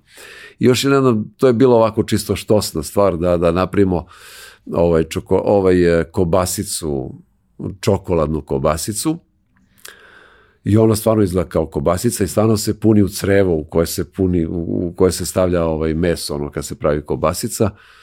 E, imamo jednu na dasci i druga je onako samo sa omotnicom, sa svim, svom pričom kao čokolad, ovaj, kobasica, ali je čokoladna. Jedna još stvar koja je tu bitna, mislim, ja insistiram na tome, znam i koliko je vama to važno, da su ti proizvodi vanredno dobri. Hvala. i da vi stvarno možete da sa ponosom stanete iza ili ispred njih, kako god ovaj, da to postavim. E, jedan od, od, od pokazatelja za to je prosto i činjenica da su ti proizvodi odavno izašli iz okvira Srbije, a da su uh, kroz ta svoja putovanja došli na neka vrlo zanimljiva mesta. Pa bi volao malo više da i o tome kažete. A, a, prvo da, da, za ove pohvale da se zahvalim i, i da kažem i čast mi je da sam ovde pošto je Krsto uh, jedan od tih koji pravi izvanredne kolače i vidim i praline i to, ali smo mi izvanredno dobri ovako kolege dobre ovaj, i, i, i znači ova, ova, ovo pojavljivanje pred vama ima neku težinu, čim, su, čim sam u tako dobrom društvu. Hvala lepo. Ovaj, to što, gde se mi nalazimo, mi smo neverovatno gde, se sve, gde su sve otišle te, te naše, ovaj, ti naši stvari, te, te, ti naši proizvodi, ali ono što je najviše, da kažem, ono što je izvoz pravi, to je mm, ovaj, Bosna, Crna Gora, Slovačka, radili smo jedno vreme za jednu nemačku jednu uh, proizvodnju, najstariju nemačku uh, fabriku čokolade, radili smo privatnu marku, robnu, naše držaje su bile pakovane pod njihovom robnom markom, one su iz Haloren, on, Haloren je uh, fabrika, Hale je mesto uh ovaj, odakle su. I, i kažem, to su ovako interesantne stvari gde, gde smo sve radili, onda naravno Slovenija, pa onda recimo, to je egzotično, Panama, Australija, uh, ovaj bliski istok, nekoliko tih, ovaj Kuwait, uh, nekoliko tih tamo država bliskoistočnih, i da se ne prisećam već sad, možda još sam negde zaboravim. I to su godine, ja imam godina, tako da ne, nešto, ponešto i zaboravim. da, ali mislim, taj moment da e, Nemci uzimaju vaše proizvode, da ih brendiraju kao da, svoje. Da. To je bilo interesantno isto, ovaj, uh, oni su nas negde videli na, neku, na, na naš, videli su naš sajt, pošto to je jedna velika proizvodnja, velika fabrika, i dobili smo poziv od njih da su zainteresovani da pogledaju našu proizvodnju s namerom da nas kupe, ajde da kažem, da, da pojednostavim stvar. Znate, to kad nešto osnuješ, nije to baš tako lako ovaj, da se toga rešiš, ne da se rešiš, nego da ga otuđiš, ajde, šta sad? Da ga pustiš. Da ga pustiš. I ja sad, ajde, ali ajde opet da vidimo gde smo. Dogovorimo se mi sa čovekom, dolazi direktor Nemac, došao je u 12, recimo sleteo u Beograd i morao u 4 da se vrati nazad. mi smo ga sačekali, on je ušao unutra, pogledao fabriku, u ovom našu fabriku, tu naš, to naše postrojenje, proizvodnju, rekao, kaže, ovo je mazohistički čisto. Nemac. mi smo se tu prvo oduševili kad nam Nemac jedan to kaže. Na kraju je bilo sve to da ovaj, uh, to je ipak mala proizvodnja za njega i da, da je on očekivao nešto mnogo više, i, ali smo ostali u kontaktu i on je se odlučio da ovaj uzme te naše drže, da pakujemo taj jedan proizvod i to se boga mi 4-5 možda i više godina prodavalo. Naravno, kao što sve ima svoj vek, tako i ovaj proizvod ima svoj vek i sad više ne radimo, ali on, kažem, odlučio da eto našu, ovaj, naše države pakuje pod njegovom robnom markom. Išli smo mi kod njih tamo u fabriku i baš smo slepo primili, mislim, videli smo i lepe stvari među tamo. E, je li bilo nešto slično i za Austriju, čini mi se? E, da, da, evo, bravo Ivan, ja. Ovo, ovaj, nisam napravio onaj puškicu da gledam. Uh, radili smo za uh, u ovoj, ovom uh, bečkom pratru, jel? Uh, je otvorena prodavnica, ne znam da se zove muzej čokolade ili tako nekako, gde su na početku bili samo naši proizvodi. Znači, po, kompletan asortiman je bio naš. Oni su na, ja nisam bio tamo, ali bio je moj sin i bio je naš jedan saradnik to je osmišljeno najsavremenije što može, baš kažu da je da je savršeno i, i ovaj i na tom mestu su bili samo naši proizvodi. Kako vreme prolazi, oni naravno su ljudi malo i počeli da menjaju stvari, i dalje nas ima tamo i eto to i dalje funkcioniše sa njima. Eto, to je isto jedan kuriozitet. A koliko je uopšte često da se neko obrati sa idejom da mu se proizvodi nešto pod njihovom robnom, robnom markom? Pa moram priznati da je sve češće. ovaj, uh, ne znam da li to valja da govorim, evo, ima e, grupa mladih ljudi koji pravi čokoladu sa tartufima, za njih to radimo redovno. Uslužno. Uslužno, da, i da je njihova robna marka. Mi ništa ne pravimo sa tartufima, oni su to ovaj, brendirali, takav je deal, da ne kažem, napravljen i to nećemo raditi. Uh, ove godine smo počeli da radimo za, sok, za Štark, nije više sok Štark, sad je Štark Atlantik ili tako nekako. Za njih radimo ovaj, sa njihom čokoladom najlepše želje, neke proizvode. Zašto? Zato što smo mi mali. Njima je to ovaj, uh, sitna proizvodnja, oni imaju svoje malo prodaje i Njima je to samo glavobolje. Tako, njima je glavobolja, a dobro im je za imidž, dobro im je za njihovu prezentaciju. S druge strane, ima i komercijalne, komercijalnu stvar, zato što se prodaju u njihovim prodavnicama, ne rade oni to samo da bi se pokazali, znači, oni imaju baš, do, njihove prodavnice rade savršeno i to, to, je, to je dobra stvar sada i za nas, jeli. Ovaj, I recimo to je jedan od, od e, dilova i mnogo tih firmi, a da ne kažem ove, ove korporativne proizvode. Ja više to stvarno ne bih mogao da nabrojim koliko je firmi radilo i sa koliko firmi radimo. Ovaj, re, naj, na, jedan naš najveći kupac uh, je Petrović uh, koji zastupa satove ovaj, Rolex. I zaista, mislim, imamo izvanrednu saradnju sa njima i super, evo, funkcionišemo, mi za njih radimo, to je njihova, njihova prezentacija kad im dođu kupci i tako, to je, to je jedan od naših značajnih i najbolj, možda najboljih ovaj, kupaca. E, još jednu stvar hoću da pitam, kad već komplikujemo stvar, ovaj, to je da i čokolade je proizvod koji ima svoj životni vek u toku godine, Tako, nešto je što se jede i leti, nije sad kao sladoled, pa čim prođe leto nema više svoj plasman. Ima, mm. ali mi se čini da i kod čokolade postoji vrlo izražena sezonalnost i da je sad ovaj neki period godine kraj godine i ovih prvih nekoliko meseci kad je i dan zaljubljenih i 8. mart i sve, da je to u suštini najzahtevniji period za ispratiti sve i da je to period u kome verovatno je potrebno ono, i, i 200% kapaciteta da, da. izgurati da nakon toga ide neki, neki mirniji period. Uh, kad postoji tako nešto, a zavisite od svih ostalih dobavljača tu i za ambalaže, i za sirovine, i za sve, to je veliki potencijalni problem. Uh, kako vi to rešavate, koliko ranije moraju da se planiraju sve te stvari, koliko je tu potrebno uložiti truda da bi te stvari, da bi taj ciklus mogao da se zatvori kako treba. Da, ovo ste dobro primetili. To, to, nova godina je vreme kada se najviše ovaj, prodaje tih naših proizvoda, ali e, od jeseni počinje polako uzlaznom linijom da ide ta prodaja. Što se kaže kod nas sezona slava.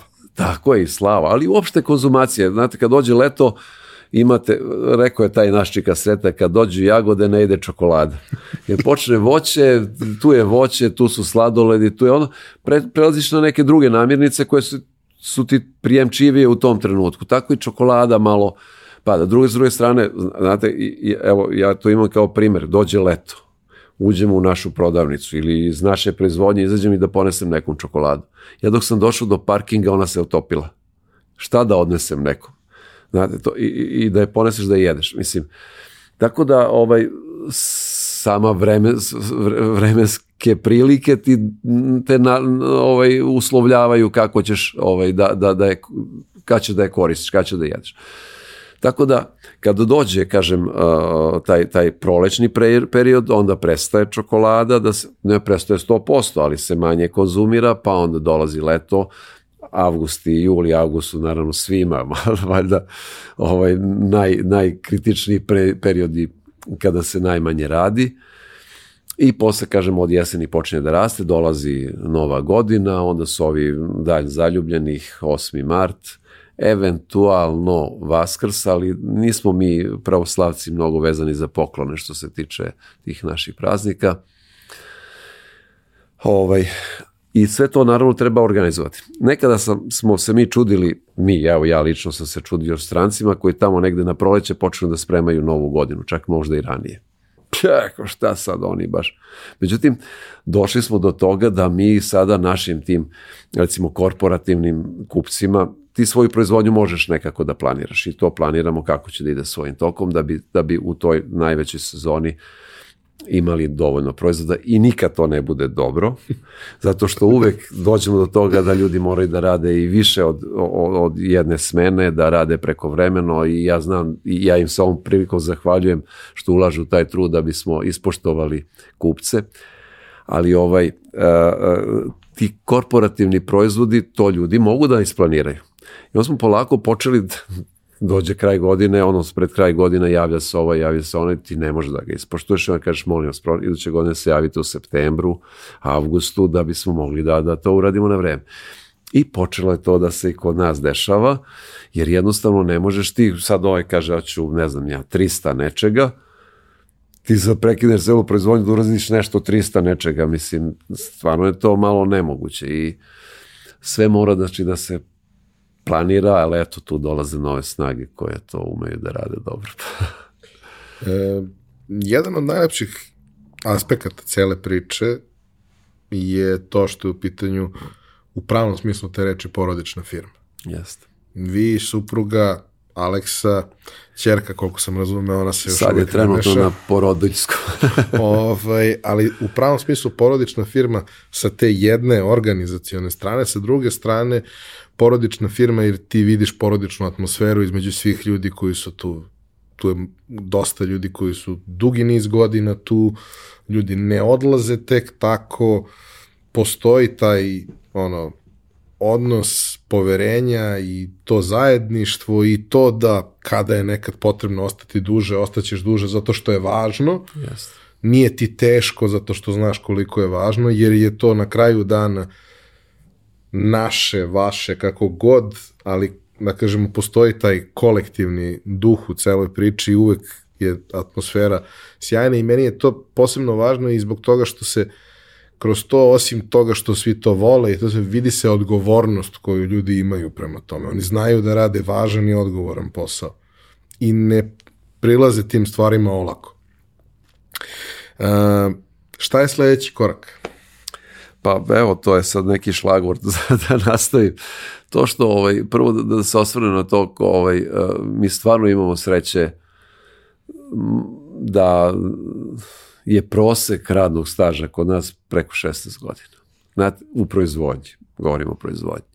Što je stvarno fantastično, mislim, 25 godina se bavimo proizvodnjom, 26 godina proizvodnjom čokolade, firma postoji 30 godina, ovo sad su ušli smo u 31. Uh, moja naša saradnica koja vodi financije, Sanja je koliko postoji firma i ona toliko. Došla je sa 18 godina, uh, šef proizvodnje Miljan je tu 25 godina i on je došao sa 18 godina, tu se oženio, ima dvoje dece i njegova supruga je direktorka proizvodnje. Uh, mnogo ljudi, evo rekoh neki ljudi koje smo primili dve, 2006. godine su otišli od nas u penziju, a, a evo ima ih još njih dvoje koje, koje tu još uvek rade. Eto, to govori koliko godina su tu hoću da kažem da, da mene to raduje i volim što je tako i nekako imam neko priznanje da nismo loši poslodavci, jel? tako da jer često ljudi znaju da se zanesu naš nekom moći svojom nekom silom i tako a mi stvarno u porodici trudimo da se sa tim ljudima na neki način družimo jer smo mi najveći deo vremena provodimo sa njima mislim i, i šta su mi oni nego prijatelji, ako su tolike godine smo zajedno, provodimo posla sati dnevno. Mislim, stvarno ne može da, ja, i svako u tom poslu ima neki deo svog posla. Mi organizujemo, oni rade nešto i tako dalje. Znači, ni, mi možemo bez njih, ni oni bez nas. Mislim, to je neka sublimacija naših energija koja proizvodi ono što radimo. Jeli? Tako da, da je meni jako drago da, da, da, imamo takve ljude i možda smo i mi uspeli da postavimo takve, takve osnove. A što se tiče toga šta dalje, Pa dalje ide neko stari, neko odrasta, jeli? Sin i čerka su završili fakultete, hvala Bogu. Sin e, i oboje su kad su bili mali radili ovaj u firmi jer smo hteli da, da oni vide kako to izgleda, pa koliko su mogli. Kada je čerka bila mala, to, to, to je uvek ovako neka zanimljiva priča. Imali smo tu radnicu, ispred radnice e, ovaj sladoled i naravno prodavačica je bila unutra i njih dvoje su preko leta trebali da prodaju sladoled. Ona nije još znala da računa ništa, bila je mala, imala je šamlicu jednu pored, pored ovaj, one vitrine sa sladoledom, a on je već znao da računa. I sad dolazi mušterija, Aleksa pita šta ćete, oni kažu, ne znam, ja rumenko, moja iskra se savije dole, uđe onaj zabazivač, se rumenko i da rumenko ovoj mušteriji. I ovaj, onda sad to kao Aleksa nešto naplati, onda da, prodavačici da ipak ne bi bilo greške. E tako su oni svakog leta radili dok nisu došli do toga da rade u, u magacinu, u proizvodnji, da je Aleksa položio vozački pa je počeo da razvozi i tako svakog leta po 15 dana i oni uzmu džeparac da bi preko leta mogli da imaju svoje pare. E, onda su, kažem, završili fakultete, čerka se udala, hvala Bogu, uz onaj fond završila i posle toga je malo radila u firmi i odmah je počela da rađa decu, hvala Bogu, mnogo puta to kažem, ali zaista to je tako. I ovaj, sad je majka troje deci i najviše vremena posvećuje deci, a sin je, ovaj, kako je završio fakultet, krenuo s tim da kao malo će on tu da bude, pošto on ipak turizam završio, pa ovaj to je njegovo opredeljenje, nije baš ta on bombonama se bavi kako to i ovaj ali dok ne dođe do posla radit će tu da eto ima neki džeparac.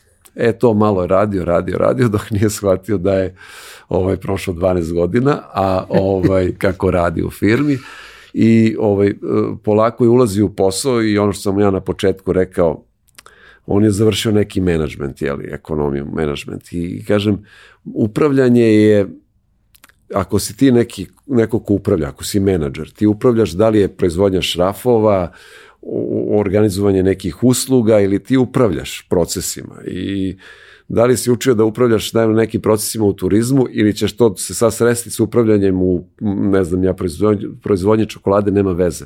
Samo su različite stvari kojima upravljaš, ali ti upravljaš.